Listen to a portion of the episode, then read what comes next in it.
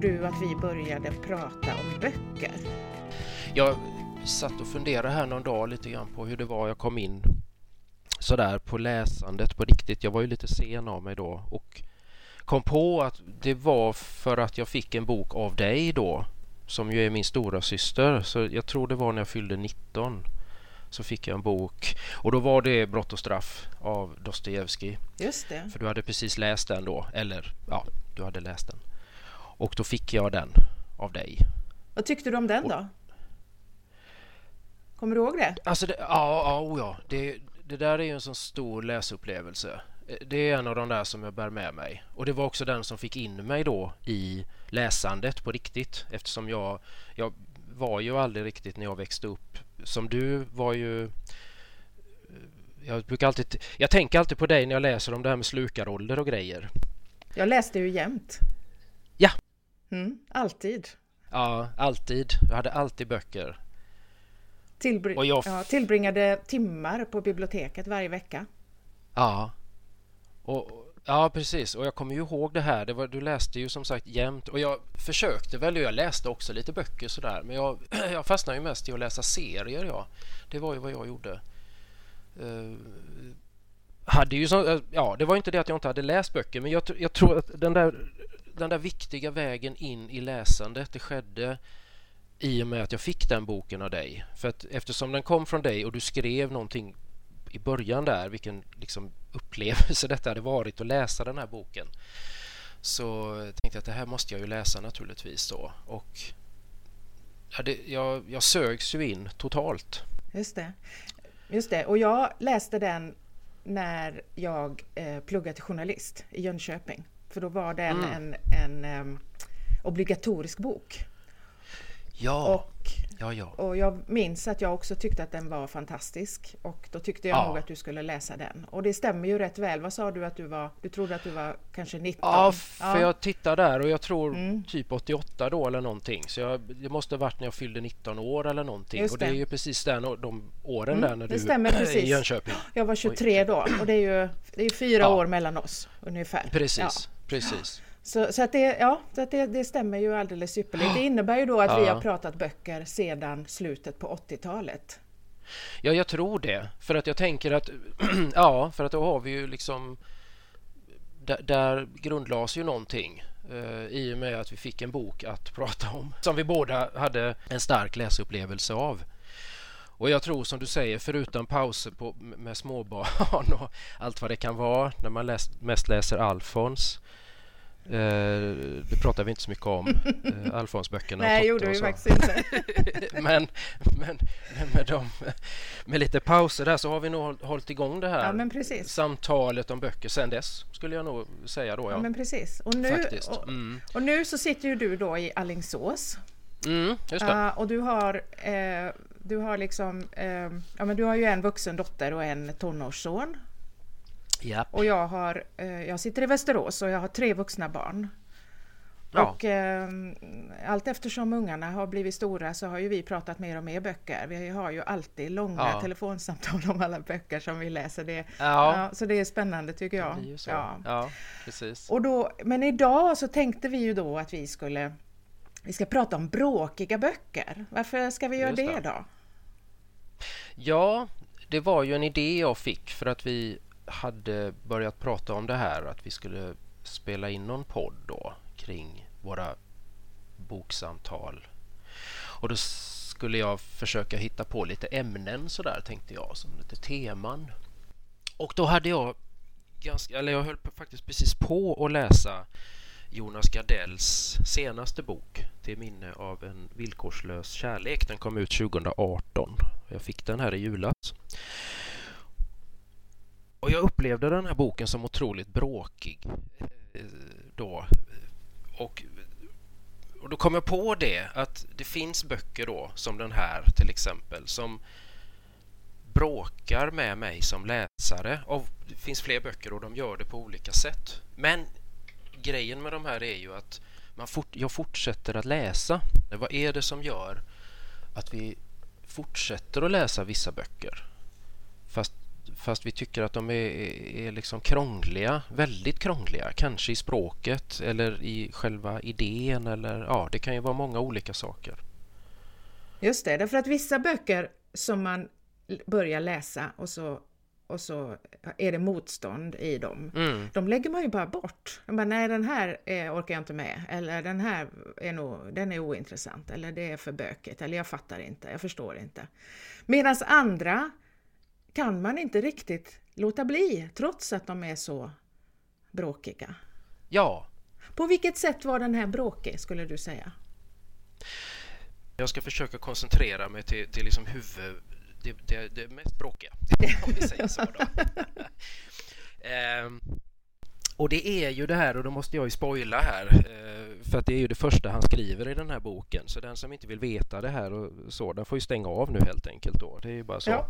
Men det går liksom inte att komma runt det här, utan man måste, jag måste säga detta då. Och det är ju det att liksom, det är, ja just det, först och främst ska jag säga att det är ju en bok om Gardell, Jonas Gardells mamma Ingegärd och hennes eh, liv helt enkelt. Man får en, en, ganska ja, en väldigt heltäckande bild av både hennes bakgrund och, och ända fram tills hon dör.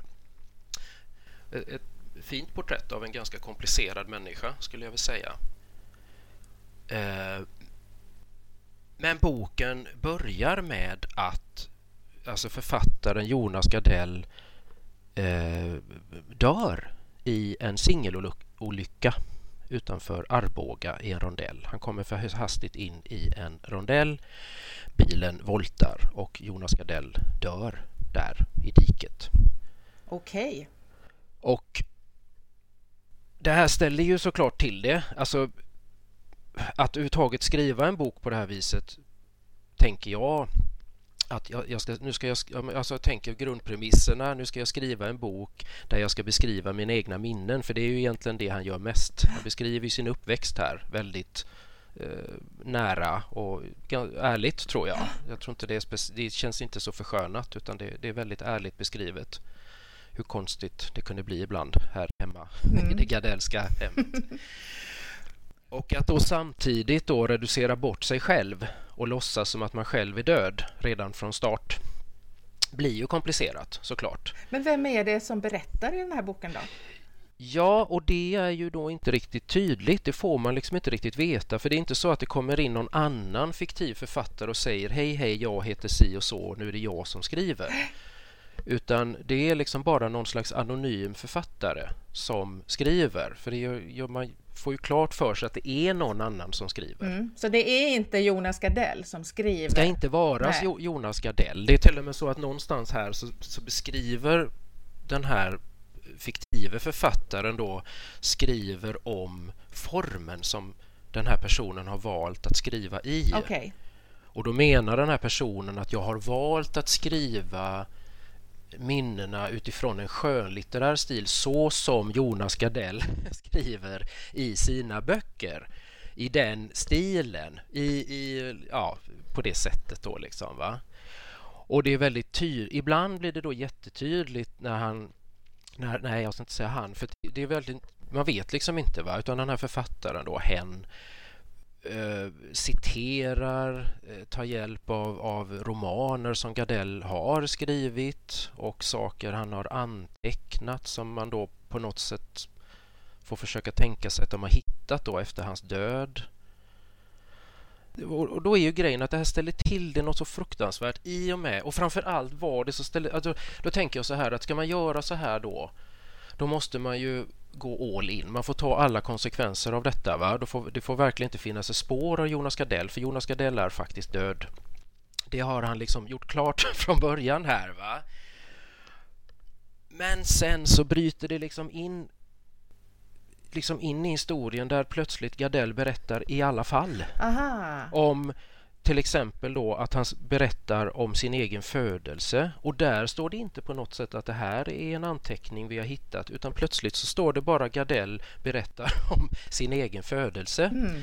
Eh, lite bisarrt i sig, men okej, okay, det är fiktion och så, så det kan jag väl köpa. Liksom, va? Men du, var det så att när du började läsa boken, upplevde du den på en gång då som, som lite bråkig? Inte riktigt med en gång, för jag tycker att han håller sig till det här ganska bra i början. Mm. Men det är som att han, han släpper det. Det är en ganska tjock bok det här också. Jag kan ju förstå att det är svårt att hålla fokus på detta och, och, och, och liksom räkna bort sig själv eh, hela tiden.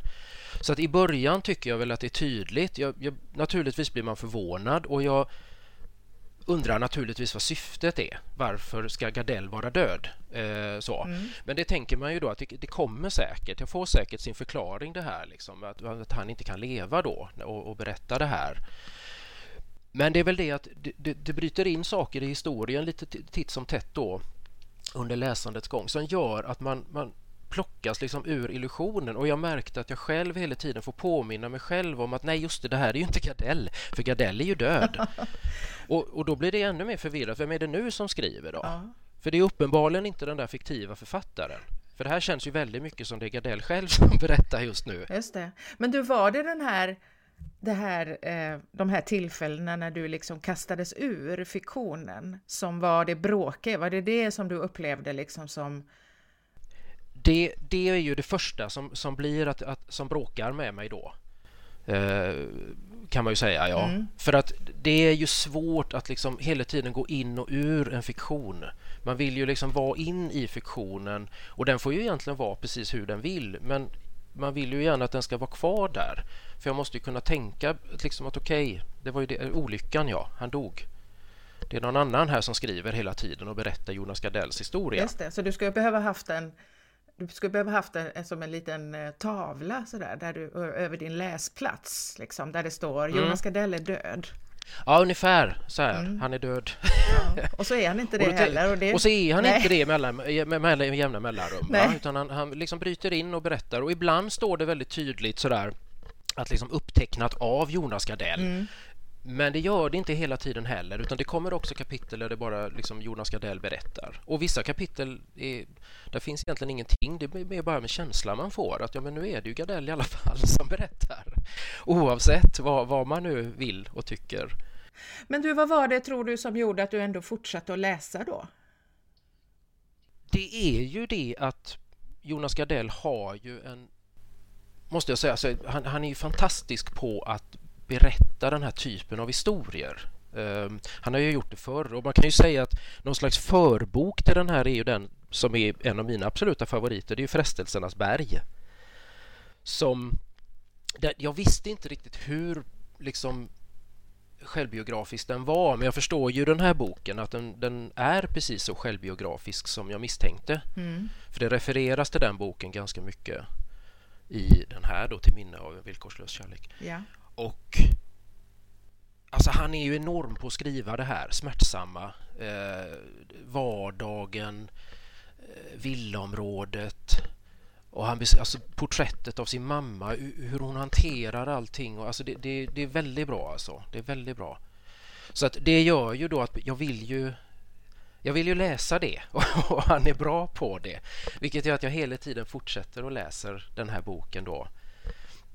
För att det, det finns ett, ett, en oerhört intressant och fint porträtt av den här komplicerade mamman då och även pappan faktiskt får man väl säga då. Just det. Så man kan liksom säga då att på något vis så är det så att du och författaren liksom omförhandlar det här kontraktet. Ja, kan man säga. Ja. Under läsningens så, så, gång. Liksom. Ja, Författaren kommer med en bok och säger, här är en bok, den har jag tänkt igenom och jag vet hur jag vill berätta den och här, mm. varsågod. Och sen så tror du att den är på ett speciellt sätt och sen öppnar du den och så börjar du läsa och så tänker du, men vänta nu lite, eh, den är ju inte alls, nu, nu vet jag inte, det blir inte alls som jag hade tänkt mig här. Men på något vis är det ändå så att du är beredd liksom att göra, göra ett nytt avtal då med ja. ett, ett, nytt kontrakt liksom. Ja, just det. Okej okay, ja. då, jag, nej men okej, okay, jag köper det här då. Så får vi se. Jag läser ett tag till så får vi se hur det blir. Eller? Och så, ja, precis så. Och så var det hela boken rätt igenom. Att jag fick hela tiden, okej, okay, precis som du säger. Ah, okej, jag... Right, han är död. Jag köper det en gång till. Du är död. Fast jag ville egentligen ställa mig precis som Jonas Gardell själv står på scenen. Nej, Jonas, du är inte död. Som han gör när han pratar om någon teater människan som springer omkring med kroppstrumpa och låtsas vara naken, vet jag. Mästaren och Margarita tror jag det är han beskriver någon gång. Och han säger nej, och jag flyger, jag flyger, säger Och han vill resa sig upp och säga nej, det gör du inte. Du flyger. Den där har jag sett, den är jätterolig. Du, du springer runt på en scen med, med en kroppstrumpa på dig. Väldigt rolig, en av hans absolut, jag älskar ju hans de här showerna också. Alltså jag tycker jättemycket om det Jonas Gardell har gjort och gör. Liksom, ja. Så är det verkligen. Och här hade jag lust att hela tiden ställa mig upp och säga precis detsamma. Nej, Jonas Gardell, du är inte död. Sluta tjata om det här nu. För han återkommer också till det här den är lite tjatig också den här boken. Han upprepar sig väldigt mycket. Alltså att han, han återkommer om och om igen till det här dödsögonblicket och timmarna innan och så. Va? Och då får man den här, men det är ju inte sant Jonas. Så har man lust att säga. Du har ju, det här är ju bara hittepå. Ja, det är underbart. Du, jag måste fråga, har du läst någon intervju med Gardell om den här boken? Har du, har du liksom hört hur han själv resonerar? Nej, jag tänkte faktiskt på det att jag skulle, jag skulle, det skulle vara intressant att göra det. Jag var ute, jag, när jag var någonstans mitt i boken så tänkte jag jag måste kolla hur togs den här boken emot eh, ute i pressen? Ja. För jag tänker Gardell är ju Gardell, det skrivs alltid när han ger ut en ny bok. Och det, det, var väl, men det är väl det jag kollat upp. Det var väl lite blandade recensioner. De flesta var väl dock positiva. Det var väl en som upplevde precis det som jag upplevde okay. och tyckte att det här var ju en extremt spretig roman. Liksom. Den bygger liksom på 15 idéer samtidigt och ingenting håller ihop här liksom. Va? Eh, men jag har faktiskt inte hört honom själv. Det skulle ju vara intressant som sagt att se om man kunde hitta någon där han själv pratar om varför han har skrivit som han har gjort. För jag måste ju säga att jag är nyfiken. För jag tänker att det kan ju vara så att, att han är hundraprocentigt genomtänkt Eh, i det här och att han eh, själv ändå upplever då att, eh, och det kan, han kanske har rätt i det, vad vet jag, att det, att det han gör är helt det, det, är liksom helt, det är helt rätt det här. Det var precis så här han ville ha det och det, det, det skulle tas emot precis på det här sättet. Eh, men det kan ju också vara så, tänker jag, sådär att en författare som Jonas Gardell, en person som Jonas Gardell som är så som är så grundad och har gett ut så fruktansvärt många böcker, gjort så otroligt mycket bra saker. Eh, vilken redaktör, lektör kan säga åt honom, du Jonas den här, vet du, den är spretig. Nej, det är just det jag tänker också. Han är lite för stor för det. Så frågan är liksom, har, har, han fått den feedbacken? Får han det liksom för, en, för ett manus? Jag vet inte. Nej, jag vet inte. Och kan han ta emot det? Det vet man ju inte heller. Och, och, nej, det vet man ju inte heller nej. då va? Nej, jag har också försökt och jag har verkligen försökt att tänka liksom. Jag vet att jag och eh, min fru här, vi, vi, hon har ju också läst den då, eller hade lyssnat på den innan. Och, och vi hade också någon tanke att det kanske var, och, och det, den tanken köper jag ju liksom någonstans att att det, det, är så otroligt jobbigt detta. Smärtsamt naturligtvis ja. att skriva om detta för det här är, det är en otroligt svår människa. En ganska jobbig uppväxt. Eh, eller väldigt jobbig skulle jag vilja säga. Så att jag, jag förstår ju om, om man liksom behöver om han har behövt då på något sätt att distansera sig lite grann liksom. Och det är nog den enda liksom tanken eller förklaringen jag själv på något sätt kan ha över just detta. För man får egentligen, det är väl det som är problematiskt, att det kommer aldrig dit hän att jag känner att att det fanns någon riktig vits med detta, att han skulle vara död. Det kommer liksom aldrig riktigt dit hän. Det, riktigt problematiskt kan jag säga, det blir det ju i slutet då tycker jag. Dels när han beskriver sin egen begravning och sen beskriver han Marks sorg hemma ja, ja. över sig själv då liksom mm. va och hur tungt det är att gå där utan Jonas. Och sen att han då på något sätt måste skriva att mamman överlevde honom själv i, jag tror 12 år då. Och alltså för mig blir det här väldigt konstigt för att då vet ju jag någonstans att så här är det ju inte. Jag, vet ju att Jonas var ju där de här 12 åren varför, varför alltså, där blev det så bökigt så att där slutade jag nästan läsa för jag kände det här är så ointressant mm. nu. Men du, din fru då, reagerade, hade hon, upplevde hon boken på samma sätt som du ungefär? Ja, inte så starkt kanske, men uh, jag vet att hon, hon höll ju med när, när vi pratade om det sen. Att hon, hon tyckte ju också att den, den, är, ja, den är knepig på det viset. Liksom. Att det, och det är svårt att förstå riktigt vad den här, alltså den här grundpremissen, liksom, att han skulle råka ut för en olycka hon upplevde precis detsamma, att han inte är konsekvent i detta eh, då, utan, utan för den hade blivit så mycket bättre om han, om han var det. Eller som jag tänker, han kunde faktiskt berättat den här historien precis så som han skrev Frestelsernas berg. Och det, jag är helt säker på att den hade blivit fantastisk.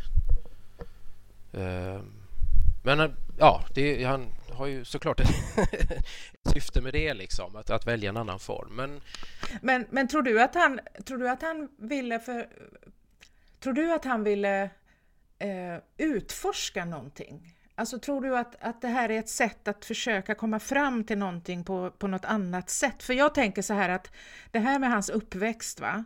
Jag har inte, har inte läst lika mycket Gardell som du har gjort, va? men det här med hans uppväxt är ju ändå upplever jag hans centrala tema på något vis. Det är väl det, det är ju det han håller på med på något vis hela ja. tiden. Och kanske är mamman det, den här smärtpunkten liksom i hans eh, hela, i hela det här, eh, den här, det här som han liksom håller på med. Eh, och då kanske det är så att han försöker att i den här boken försöker utforska någonting som han inte själv riktigt vet eller har koll på. Ja, ja. För att jag tänker, jag tänker, jag drar parallell, paralleller lite här då till Dostojevskij som vi pratade om precis i början då. Eh, som jag då upplever på något vis alltid utforskar någon form av idé i sitt skrivande. Liksom att han eh, ställer på något vis en fråga. Okej, okay, kan man, som i Brott och straff, kan man, får man lov att ta livet av någon som är ond? Är det okej? Okay? Eh, eller är det inte okej? Okay? Och vad händer med en människa som gör det? Och man upplever ju väldigt tydligt när man läser den att han vet inte själv. Alltså författaren vet inte vad Nej, svaret är på den frågan. Precis, han skriver, han försöker att skriva sig fram till svaret. Precis, och jag funderar på om det... Vilket han gör i fler böcker. Ja, och kan det finnas något liknande i den här Gardellboken, tror du? Ja, jag vet inte det, jag, jag, finner det inte så tydligt i alla fall, men det kan ju vara så ur hans perspektiv. Jag, jag kan ju förstå att det här är tufft att skriva om jag, hur som helst. Vi har ju pratat om förut just med böcker, men det, det, är en bok som definitivt kommer stanna kvar. Liksom. Och, och, och jag tänker främst för de här alltså, otroligt alltså beskrivningarna av, av vissa scener där liksom uppväxten som är, är så oerhört starkt återgivna. Som, och de, och de, det är också sånt som det lever kvar igen liksom. För han har en enorm förmåga att gestalta det här. Mm. Ja, eh, jag blir ju nyfiken på att läsa den, absolut, ändå. Jag eh, eh, fick ju då när, när vi bestämde oss för det här temat då så var jag ju tvungen att tänka vad, eh, vad har jag för bråkiga böcker? Eh, och ja, det har jag ju jättemånga. Jag har jättemånga bråkiga böcker och, och, och jag tycker också att det är så att på något vis så är det så att ju äldre jag blir desto mer benägen är jag ändå att faktiskt ta den där fighten. Att inte ge upp så tidigt, utan, utan har jag fått för mig att den här boken är läsvärd, eller den är spännande, eller den är intressant, eller jag har hört någonting och sen så börjar jag läsa och så upplever jag att, att, den inte, att den är svår att ta sig in i eller så, så har jag en större eh, vilja idag att, att ge den några chanser, så skulle jag nog säga, eh, än vad jag gjorde jag kanske när jag var ung, när jag gärna ville liksom sugas in i boken och få en upplevelse ganska omgående, du vet, sådär. Ja, just det. Som eh, Brott och straff till exempel. Det är ett typexempel tycker jag på det. Ja. Man bara sugs in på första sidan, tjong så är man inne liksom. Ja. Och så lever man med Raskolnikov. Och man knallar runt där liksom på, på gatorna i, i Sankt Petersburg, febrig och svältande. Och, ja. Febrig ångest, exakt. Ja. Nej men det är verkligen en sån exempel på, mm. och det, precis som du säger, jag, jag, jag håller absolut med om det, jag känner igen mig i det. Att jag är mer benägen att ge en bok tid och, och, och, och att, att, lägga ner den och tänka okej, okay, men jag tar det igen. Eh, jag väntar lite och så gör jag ett nytt försök.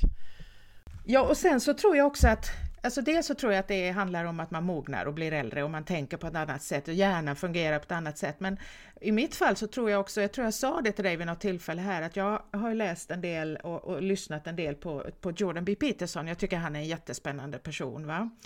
Och eh, i flera stycken utav hans eh, eh, föreläsningar som jag har lyssnat på så refererar han ju till, till böcker. Alltså han är ju jätteförtjust i Solzhenitsyn och i Dostojevskij och i, i Nietzsche och, och även läser mycket Jung och sådär. Och gång på gång så säger denna oerhört intelligenta människa, professor, psykologiprofessor, väldigt erfaren, så kan han säga så här Ja, den där vet du, han kan, Jungs Aion tror jag den heter till exempel. Så bara, Ja, den är svår. Tog mig nog ett par år. och då tänker jag så här, okej, okay, ja, ja. Man, så, så kan det vara alltså. Att, eh, ja, det är lite trösterikt. Ja, men jag tycker det va. Även han får kämpa. Ja, och att det kan vara värt. Att det handlar inte om att boken är dålig, eller, utan det handlar om att den är, den är krävande liksom och, och, och komplicerad. Så. Och det är väl som du säger också att när man har gjort det en eller två gånger så, så, så får man ju också mer och mer den där precis den där tanken att det, det, är värt det. Precis. Eller det kan, det vara, kan värt, värt det i alla fall. Man mm. vet det, att man har kämpat sig igenom en bok och, och det gav väldigt, väldigt mycket. Och det, då är det klart att då, det ökar ju också benägenheten att göra om det här liksom. Mm. För man vet vad, vad, vilka fantastiska böcker man kan då hamna i faktiskt. Precis. Nej, och, och, när jag då skulle välja en bok då så stod det ganska snabbt klart för mig att jag, eh, jag tog den, eh, den eh, bråkigaste boken jag någonsin har läst tror jag. Och den heter Blek kung och är skriven av David Foster Wallace. Och jag har grunnat lite grann här på vad kommer det sig att jag, att jag började läsa David Foster Wallace, för jag kände inte ja, alls... Just det. Hur hittade du honom? Ja. Och då var det så här att han dog 2008 eh, i ett självmord. Och då var den här Blek kung inte färdig. Han, när han dog så lämnade han efter sig eh, ett, en hög av 200 utskrivna blad som var någon form av Eh, det var lite ordninggjort av honom. Va? Han hade jobbat med den här romanen i tio år och inte lyckats att slutföra den på ett sätt som han var nöjd med. Så han lämnade efter sig liksom en, någon form av ordnad, eh, ordnat eh, manus, grundmanus kan man mm. säga. Plus då att det fanns mängder med eh, anteckningsblock, eh, så här floppy disks med, med, med material ja, idéer som han hade du vet, valt bort. Alltså det låg överallt. Ja, ja, ja, I, på mm. datorn, på floppy disks, i anteckningsböcker, i skrivbordslådor, överallt. Va? Eh, så att och han, de, det var så tydligt att han på något vis hade förberett för att den här boken ändå skulle få komma ut, men att någon annan måste göra klart den. Så uppfattade de det, hans änka då och, och hans redaktör då. Eh, för han hade gett ut romaner förut. Va? Ehm, mm, just det. Så de eh, satte ju sig då helt enkelt och började arbeta med det här och jag tror att den här, om jag minns rätt så kom den här ut 2011 då. Och då hade DN ett jättestort reportage om David Foster Wallace och med anledning av den här, eh, att den här boken kom ut då. Eh, ja, sista boken. Precis. Och jag eh, läste det där reportaget och blev så himla nyfiken helt enkelt. Så jag beställde den boken och det måste ha varit så då att den, att den kom ut på svenska då ganska snabbt. Så tror jag, för jag tror att det, det, måste ha varit någonstans där. Jag, kan inte, jag är inte helt säker på det, men jag tror det. Så jag beställde den där boken i alla fall och tänkte att det här blir ju spännande. För att jag hade ju läst då hur, vilka teman han jobbade med och det, då var ju det det här liksom med hur, hur ja, enkelt uttryckt så här, hur ska man hur ska man leva sitt liv? Hur ska man hitta, hur ska man hitta liksom hur ska man hitta mening i sitt liv? Och hur ska man hitta mening i sitt liv även när livet är svårt? Och allt det här som liksom på något vis Ja men som jag ständigt håller på och, och kämpar med på något sätt. Ja, va? just det. Mm, mm. Och, så. och så får jag hem den här boken va. Och så och så börjar jag läsa, eh, då, ja då finns det liksom, då, då, då finns den här eh, eh i början då redaktörens eh, Michael Peach heter han då, då skriver han då om att det här ju är inte David Foster Wallace bok eh, helt och hållet utan det är ju också, det, det, har ju gjorts ett arbete och ett urval i efterhand och så vidare. Så han förklarar det där då liksom.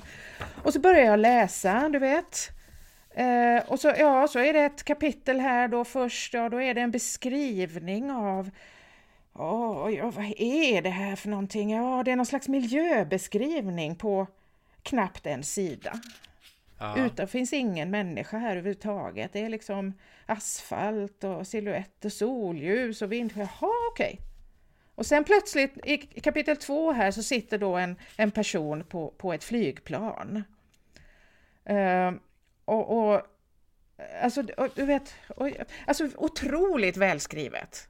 Men jag fattar ju inte, jag har ingen aning om vart jag, vart jag är på, jag vet inte alls. Men vad handlar, vad handlar det om? Jag vet inte alls vad det här handlar om, jag förstår ingenting Nej. liksom. Nej.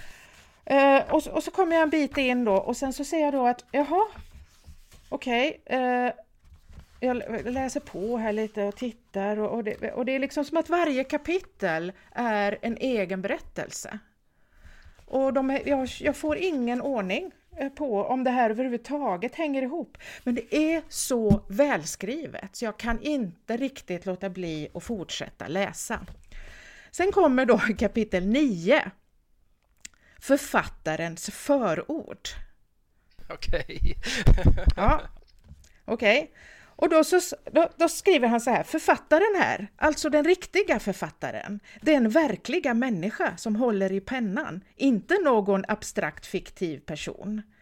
Eh, visst, det dyker då och då upp en sån person i Blek kung, men det är mest ett avtalsmässigt eh, proforma påhitt, en enhet som bara existerar av juridiska och kommersiella skäl, eh, lite som ett företag. Men nu är det alltså jag som skriver till er. Och jag skriver för att meddela följande. Allt detta är sant, den här boken är fullkomligt sann.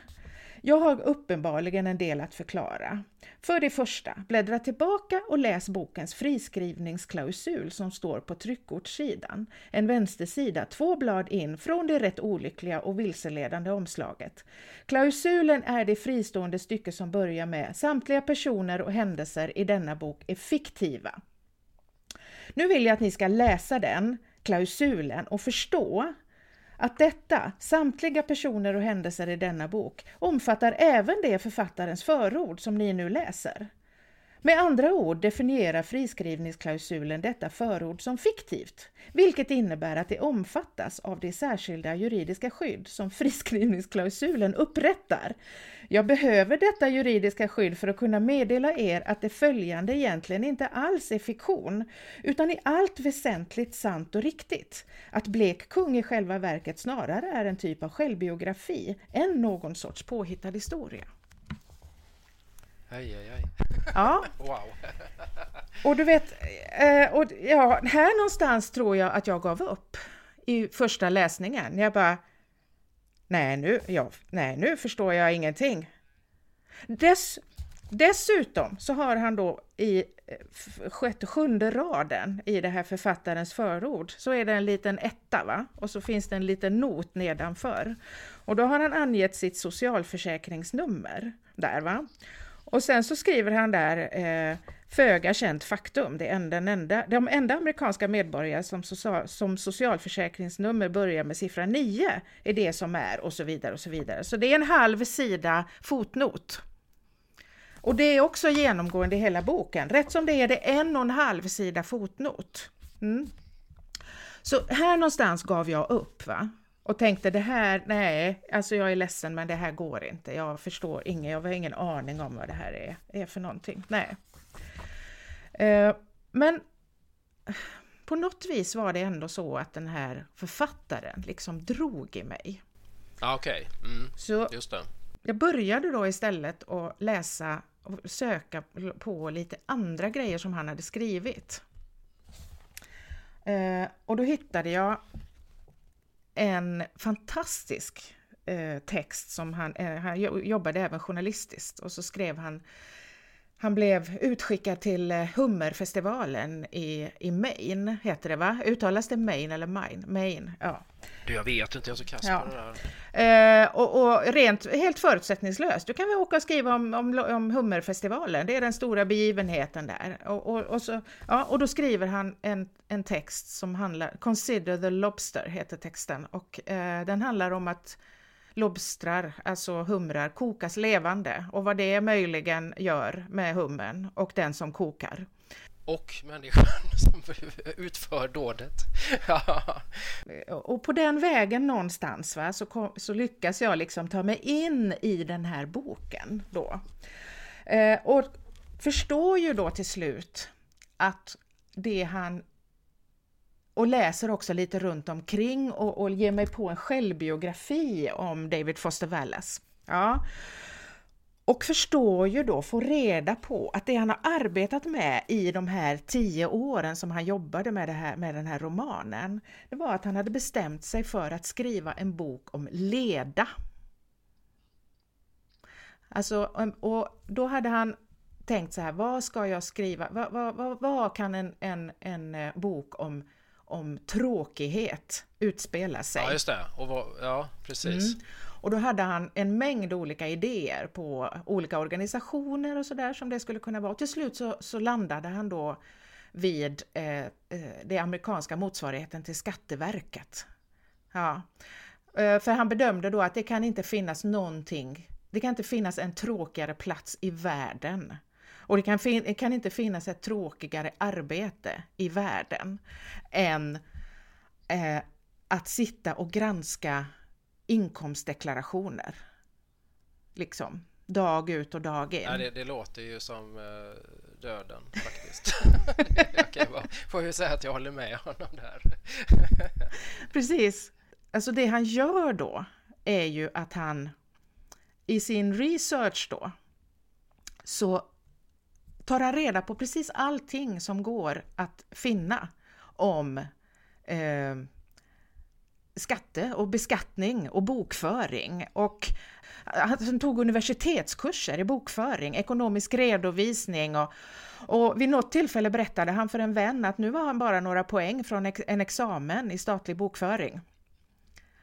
Alltså så, så funderar han över en mängd olika Eh, eh intriger eh, då eh, i den här. Vad, vad, vad, ska det liksom, vad ska hända i den här? För att hans fråga var, var alltså hur påverkar det en människas inre liv att arbeta med något så tråkigt som att övervaka skattedeklarationer? Alltså, ja, just det. Att, kan det vara så, funderade han på, att deras jobb är så tråkigt så att det slutligen gör dem fria. Alltså att det finns någonting i ah, tristessen okay. som mm. gör eh, att, att eh, när man kommer, om man lyckas ta sig till andra sidan av den här ah. tristessen.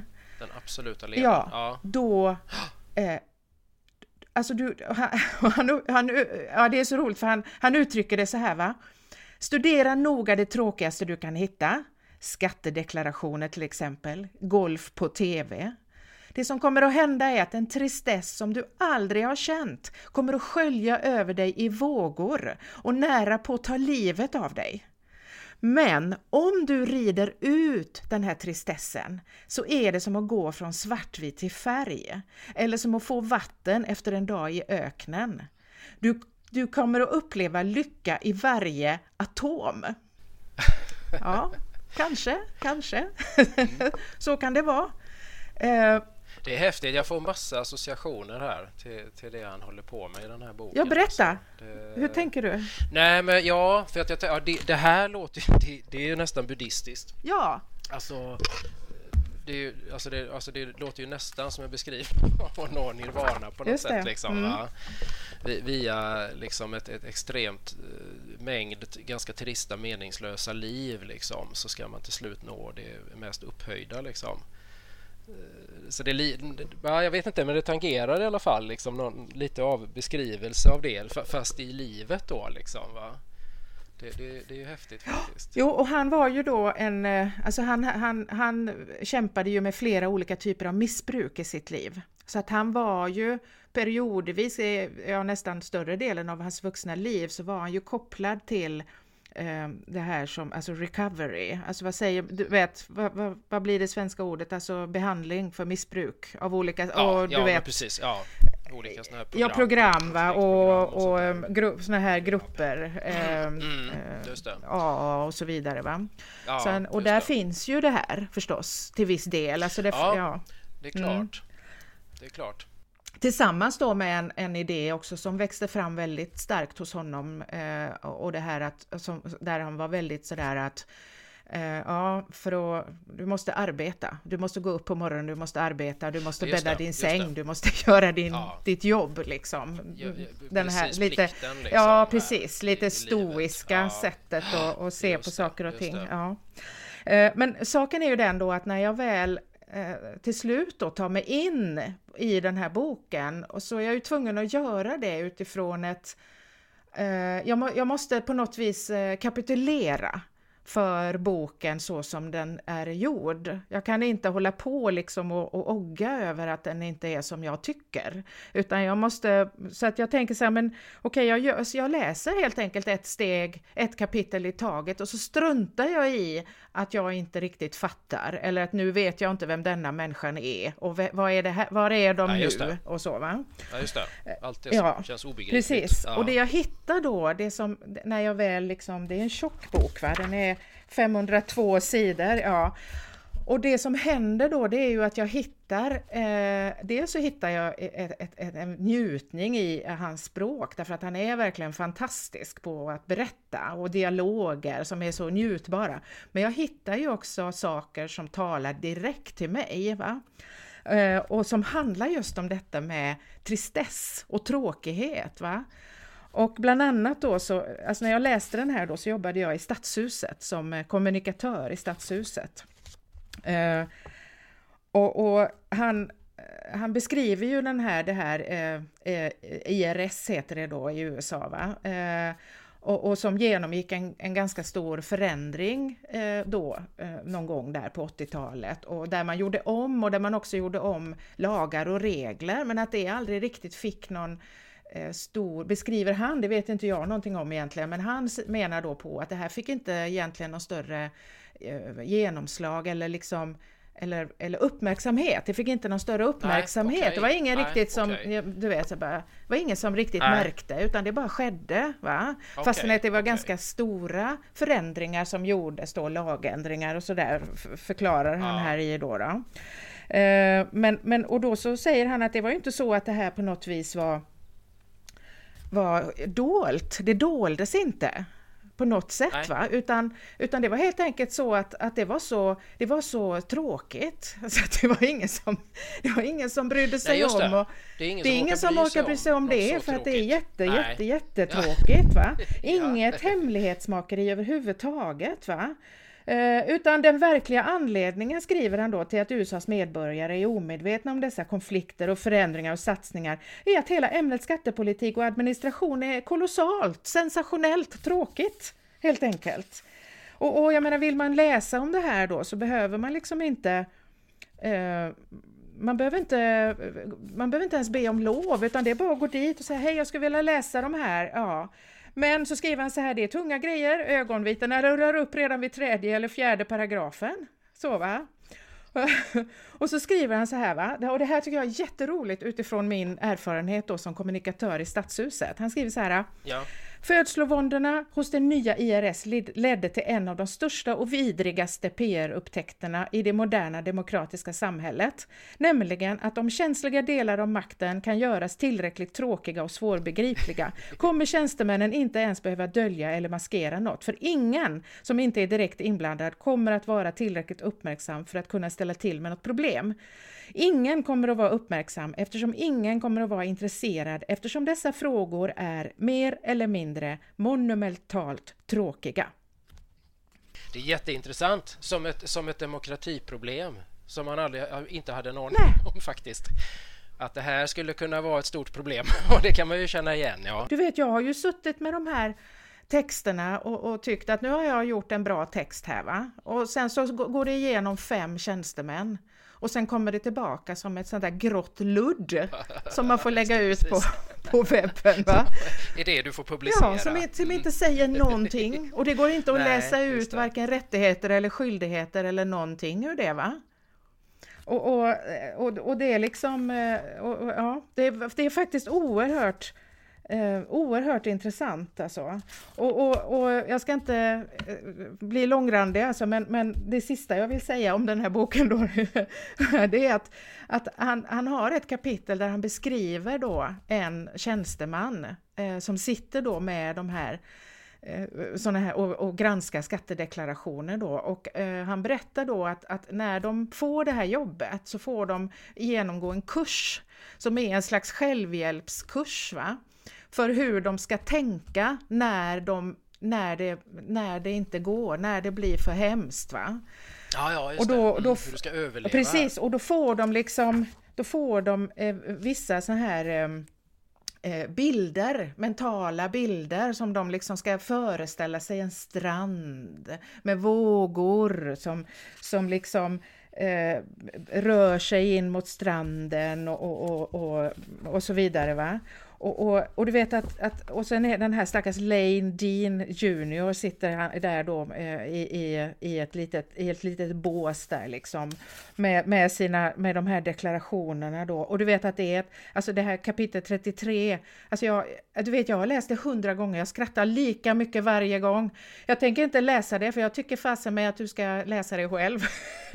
och alla som lyssnar. Men kapitel 33 alltså, alltså det är så roligt. Du vet, han sitter där och han, han kniper med skinkorna för att han inte, alltså, och, han tittar på klockan och, och, och han har de här inre bilderna vet du.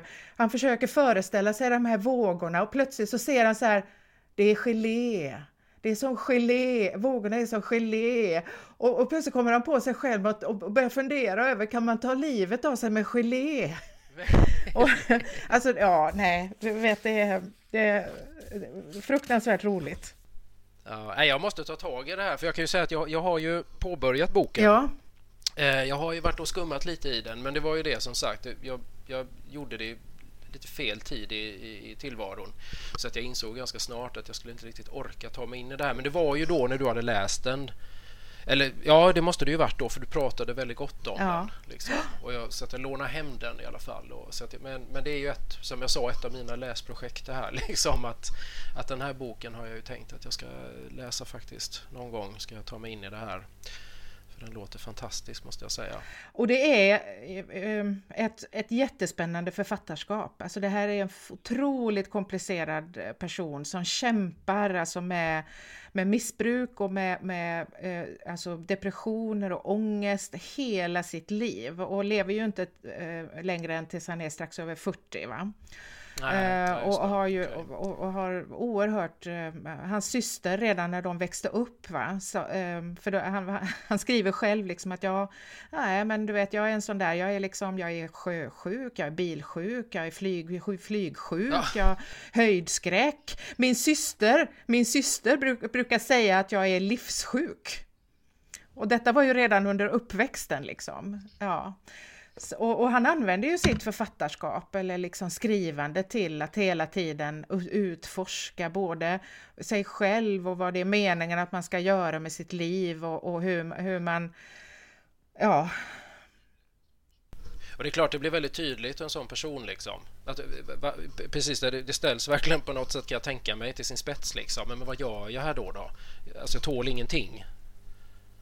Precis, och sen var ju han då, han blev ju tidigt jätteuppskattad. Alltså eh, han var ganska ung när han slog igenom kan man säga och, och, eh, och, och, han skrev ju, hans stora verk heter ju Infinite Jest eh, och är ju mer, vad jag förstår, jag har inte läst den, alltså men den står här, det är ett av projekt som jag har, va? men den är mer, tror jag, alltså vad jag förstår så är det mer en sammanhållande berättelse, en sammanhållen berättelse och, och, han, det är ju, han blev ju jättestor verkligen med den och, och liksom under tiden som han jobbade nu med Blek kung då så så kom det ut såna här, du vet, förstå David Foster Wallace och läsnyckel till Infinite Jest. Så att, Jaha, du vet, okay. ja, och det, ja, ja, ja. ja, Så att, han, han, ja, han, det är ett spännande författarskap faktiskt. Ja, ja.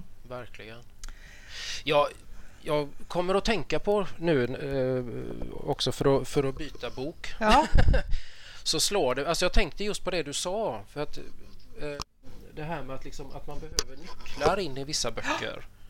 Att, att liksom, för det har ju med det här att göra just det här liksom att, att, att vissa böcker, ja men de är så svåra att komma in i Att ibland så kan man inte ens göra det genom att bara läsa dem utan precis som du sa här att, att man, man behöver ibland olika nycklar som du fick läsa det här reportaget och, och lite annat sånt där för, för att liksom komma in i det Precis. Eh, redan från början och då kommer jag att tänka på en annan bok som, som vi har pratat om det är ju Bröderna Karamazov eh, apropå ryssarna för de är ju alltid krångliga mer eller mindre i alla mm. fall för jag gjorde också så, jag läste jag vet inte hur många biografier om Dostojevskij och jag läste en bok av Ove Wikström där han liksom tar hjälp av litteraturen för att gestalta olika eh, lite existentiella frågor ur något slags religionspsykologiskt perspektiv. Och där skriver han jättebra, så här, väldigt intressant. Han tar liksom de här eh, bröderna som exempel. Liksom, sådär, på, på det, det handlar ju väldigt mycket liksom Aljosha, då, den yngste brodern som är djupt religiös och går in i munklivet och allt det här. Liksom, va? Och då tänkte jag just på det du sa att liksom det, det, var ju verkligen så att när jag, jag, visste redan väldigt mycket om Bröderna Karamazov när jag började läsa om det, eller läsa den. Och jag hade ju också då läst brev som Dostojevskij hade skrivit till någon vän där om vad han brottades med för frågor och hur han tänkte under tiden han skrev eh, Bröderna Karamazov då. Eftersom han skrev ju, han var ju en av dem som skrev varje kapitel för sig. Han hade ju aldrig färdigt för sig. Liksom, va? Utan han skrev ju kapitel för kapitel och varje kapitel publicerades direkt. Så han kunde inte återvända heller. Nej. Han kunde aldrig ta tillbaka något som han hade skrivit. Utan han, så, så den har ju liksom det plus då att jag fick föra väldigt mycket anteckningar då som jag har pratat om då. Det här med att man för att överhuvudtaget få grepp om en bok Dostojevskijs böcker har ju oftast redan från början en, en, liksom en personlista. Eh, I alla hans böcker tror jag så, så börjar ju alltihop med en lång lista med alla de personer som är med. Men den räcker ju inte, inser man ju ganska snart. Den, den, den är bara liksom en, ja, det är större delen av det men sen så dyker det upp ännu fler personer plus att alla de personerna i den här listan oftast har ett eller två namn ja, till ju, som mm. dyker upp mm. oförhappandes. Mm. Precis. Det, det var verkligen, den, den hade liksom all, många sådana här drag av, eller vad säger jag? Eh, alltså det här som på något sätt kännetecknar, tycker jag, liksom den, här, den här verkligen bråkiga romanen. Liksom, för att man överhuvudtaget ska kunna läsa igenom den. Va? Att jag dels fick skaffa mig förkunskaper och sen fick jag hålla på och anteckna då under tiden som jag läste den för att jag överhuvudtaget skulle kunna hålla reda på alla personer och deras relationer och när och var och hur det hände. Ja precis, och det, det där är ju en, en helt annan bild än, alltså av läsande än den här gängse bilden, du vet där du tar, där du, där du tar din bok, eh, din tekopp och så sjunker du ner i soffhörnet och sen så, så går du liksom in i den här berättelsen, va? njutningsfullt. Va? Och det, det är väldigt mycket njutning och, och, och tillfredsställelse, liksom. Någon, lite meditativt ja, nästan. Medan de här böckerna, där får du ju sitta vid ditt arbetsbord va? med penna och papper och, och understrykningspenna va? Och, så, så, och, och sätta såna här små lappar i boken och gå till så är det ju va, och jag menar, jag vet ju... Och kanske gå tillbaka till någon biografi. Och hur var det här nu? Det var, var det där när, när han skrev den här och vad var det han skrev i det där brevet? Ja, och, ja men det, det är precis, det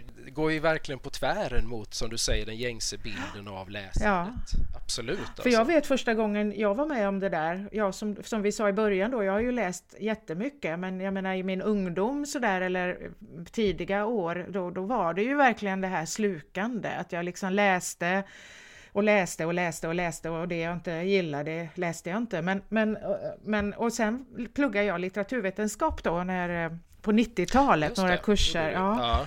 ja. Och eh, då skulle vi läsa Dante, den gudomliga kopendin. Ja, och jag menar, jag visste ju någon form, ja, det är klart att jag visste på ett ungefär vad den där handlade om va? Eh, och, och, så. Och, eh, och jag började läsa och jag, alltså det, är, det, är ju, det är ju otroligt vacker dikt, va? fantastisk. Men jag fattar ju inget och särskilt inte när jag kom in i Inferno-delen va? Med, med, i, i de här olika kretsarna i helvetet. Va? Jag fattar ju ingenting. Jag tänkte hur ska det här gå? Jag ska ju tenta på det här, det kommer ju inte att gå. va? Fattar ingenting. Och då hittade jag ju då en, en sån här nyckel. Eh, Olof Lagerkrans hade skrivit då, ja, det sjutton vad den hette, från, den hette något sånt där från helvetet till paradiset. Hur hette den ja. Mm. Där han beskriver hur, hur man läser Dantes, eller liksom han ger ingångar då liksom. Ja, och, och referenser du vet till att ja men Dante levde ju då i, i Florens var det väl tror jag under den här tiden och, och de, han umgicks med de här och det här är det här och det här syftar till det här och sen så hade han det här har man kommit fram till det här tankesättet liksom och, och, och den här och det allra mest intressanta i den det är ju graderingen av syndarna. Det var ju det som var så himla ah, spännande. Va? Det. Men det hade jag ju aldrig fattat utan Olof Lagercrantz, det kan Nej. jag ju säga säga. Ja, eh, och sen då när jag började läsa Solzhenitsyn gjorde jag här för ett par år sedan här. Då förstod, då insåg jag ju liksom att mindmaps är bra. Alltså en, form Ja just det, av, för det, det vet ja, jag du använder ja, dig av. Mm. Just för att det blir ju som en karta fast över personerna och lite mm. grann över över eh, miljöer också kan det vara. Va? Man, ett, lite årtal, lite var är de någonstans? Va? I vilka städer rör de sig eller så vidare. Så den första jag gjorde det med det var faktiskt cancerkliniken av Solzhenitsyn. Just, och det, då handlar det ju om det här med, med namnen framför allt. Att de liksom har tre, det är mycket folk och alla har minst tre namn, liksom ryska, det är ju ett hjälpmedel och nu har jag som ett, en liten anteckningsbok här med olika mindmaps, vilket är väldigt roligt. Så har jag cancerkliniken här och sen så har jag den första kretsen också, Solzhenitsyn och sen har jag pesten här. Och det är väldigt roligt, så kan man gå tillbaka och tänka sig just det, just det, det var ju så det var, ja det var ju han där ja. Och, ja, så det, det är faktiskt kul. Det är spännande det där alltså. Jag har inte mindmap men jag har ju mycket anteckningar istället då och jag har till och med även suttit ibland och skrivit. Jag är ju så här som gillar mycket Kafka liksom och suttit och skrivit lite för min egen skull om hans romaner liksom. Bara liksom för att själv reda ut lite tankarna liksom sådär va. Uh, genom att ja men dels liksom använda sig av de där anteckningarna men också att ja, men, reda lite i det handlar det kanske mer om när det gäller Kafka ja, då, precis. Eh, mm. snarare. Mm. då. Men det är spännande att återgå liksom. Då, då, har man liksom boken där. Precis som jag tänker att du har dina mindmaps liksom. På något sätt där öppnas i boken. Det måste det ju göra när du tittar på den liksom. Måste... Precis. Ja, jo, men det är precis så. Det är precis så. Varje person i min lilla mindmap här har ju en liten, en liten, du vet, några korta rader liksom. vem är det här? Du vet, vad, vad, vad jobbar han med? Hurdan är han?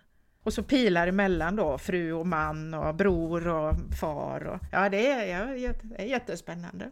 Ja. ja, ja men verkligen. Du, eh, jag tänkte, nu har vi pratat om bråkiga böcker här. Vi pratar om flera bråkiga böcker, men framförallt två ju. Sådär. Men vad skulle du säga, eh, skulle du, rekommendera du den Jonas Gardells bok? Tycker du att den är läsvärd? Liksom? Ja, men det måste jag ju ja. göra. För att, för att den är som sagt, det, är en jättebra skildring alltså av, och, alltså det, av den, alltså den här personen som hon är, mamman. Hon, hon är så fruktansvärt komplicerad. Mm. Det går inte riktigt att förstå henne alla gånger. Även om, om, om Gardell själv liksom försöker då att han ger ju bakgrund så man får ju en del nycklar liksom i hennes egen uppväxt och allt det här och den här frireligiösa bakgrunden och ett positivt seende och så va. Men, men, men alla dessa lögner och ja, det, det, är väldigt komplicerat alltihopa. Alltså. Ja.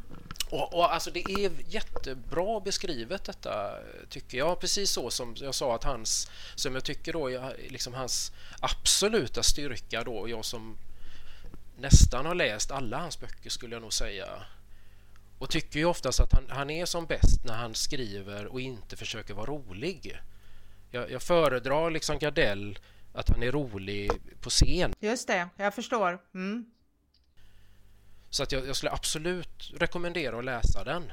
Och så, och så får man ju, och så får man liksom köpa det här lite konstiga sättet då som man har och att han liksom inte är helt konsekvent. Men, men vinsten är ju definitivt de här skildringen liksom och det här porträttet man får av den här eh, människan liksom va. och som jag också kan tycka liksom är, och, och det gäller ju, nu är det, pratar vi om en, en människa, hon har ju levt liksom, det här är ju det är ju en verklig människa det här, men liksom både verkligt och fiktivt. Att, liksom, att, att huvudpersonen inte är så sympatisk är ju ganska spännande faktiskt Eh, att läsa om. Liksom. Alltså att eh, även där då att, att ja, men det, det, är inte självklart att man tycker om riktigt den här människan eh, som hon är. Liksom. Inte för att döma henne på något sätt, men det är lite svårt att få sympatier för henne. Liksom. Och det är också ganska spännande tycker jag. Och att hon också, och man vet ju liksom att hon är älskad. Mm. Mm. Trots alla hennes sidor liksom, va? så är hon ju såklart värd att älska. Och det, det, där har vi ju på något sätt, tror jag, hela budskapet om man även tänker på titeln då. Liksom, va? För den är ju lite svår sådär. Det är tydligen något som står på hennes gravsten tror jag han skriver någonstans. Och det, det, det får ju liksom stå för, för dem då, syskonskaran här. Men jag tolkar det snarare som att det är Jonas villkorslösa kärlek. För jag upplever inte riktigt hennes kärlek som speciellt villkorslös alls. Snarare tvärtom. Det finns ganska mycket villkor. Det är mycket man ska ställa upp på här liksom. För att hon ska vara nöjd. Och, och på något sätt. Men, men däremot så kom jag på att Jonas kärlek är ju faktiskt helt villkorslös till sin mamma. För han älskar henne. Eh, bara rakt, rakt av. Ja. vad hon än gjorde, vad hon än gör och så vidare. Mm. Va? Så ja, absolut. Det, det, kan jag säga. Läs den, för den, är, den, har, den har mycket. Ja, just det. Och, och du, din, eh, alla dina fotnötter? Ja, alltså jag skulle säga så här att, att äh, äh, om man eh, ramlar över den här boken eller hittar den på sitt bibliotek eller till och med har lust att köpa den så gör det. Och börja med kapitel 33 eh, om, om stackars Lane Dean i, i hans kontorsrum. Eh, för man behöver, inte, man behöver inte börja från början därför att den här boken har, den har ju naturligtvis en, en, en, en eh, tidslinje eller vad man ska säga. Det finns ju en dramaturgi mm. i mm. den förstås, men den är inte så lätt att upptäcka. Eh, och och därför så kan man börja med mitt i om man vill. Och kapitel 33 är ett jättebra eh, kapitel att börja med. Eh, där, där man får uppleva verkligen vad det innebär, kan, skulle kunna innebära att ha ett riktigt tråkigt arbete. Och, och, och, även vad ett sånt skulle kunna leda till då, att det finns någonting, ja men den här tanken om att det, tänk om det finns något annat där på andra sidan.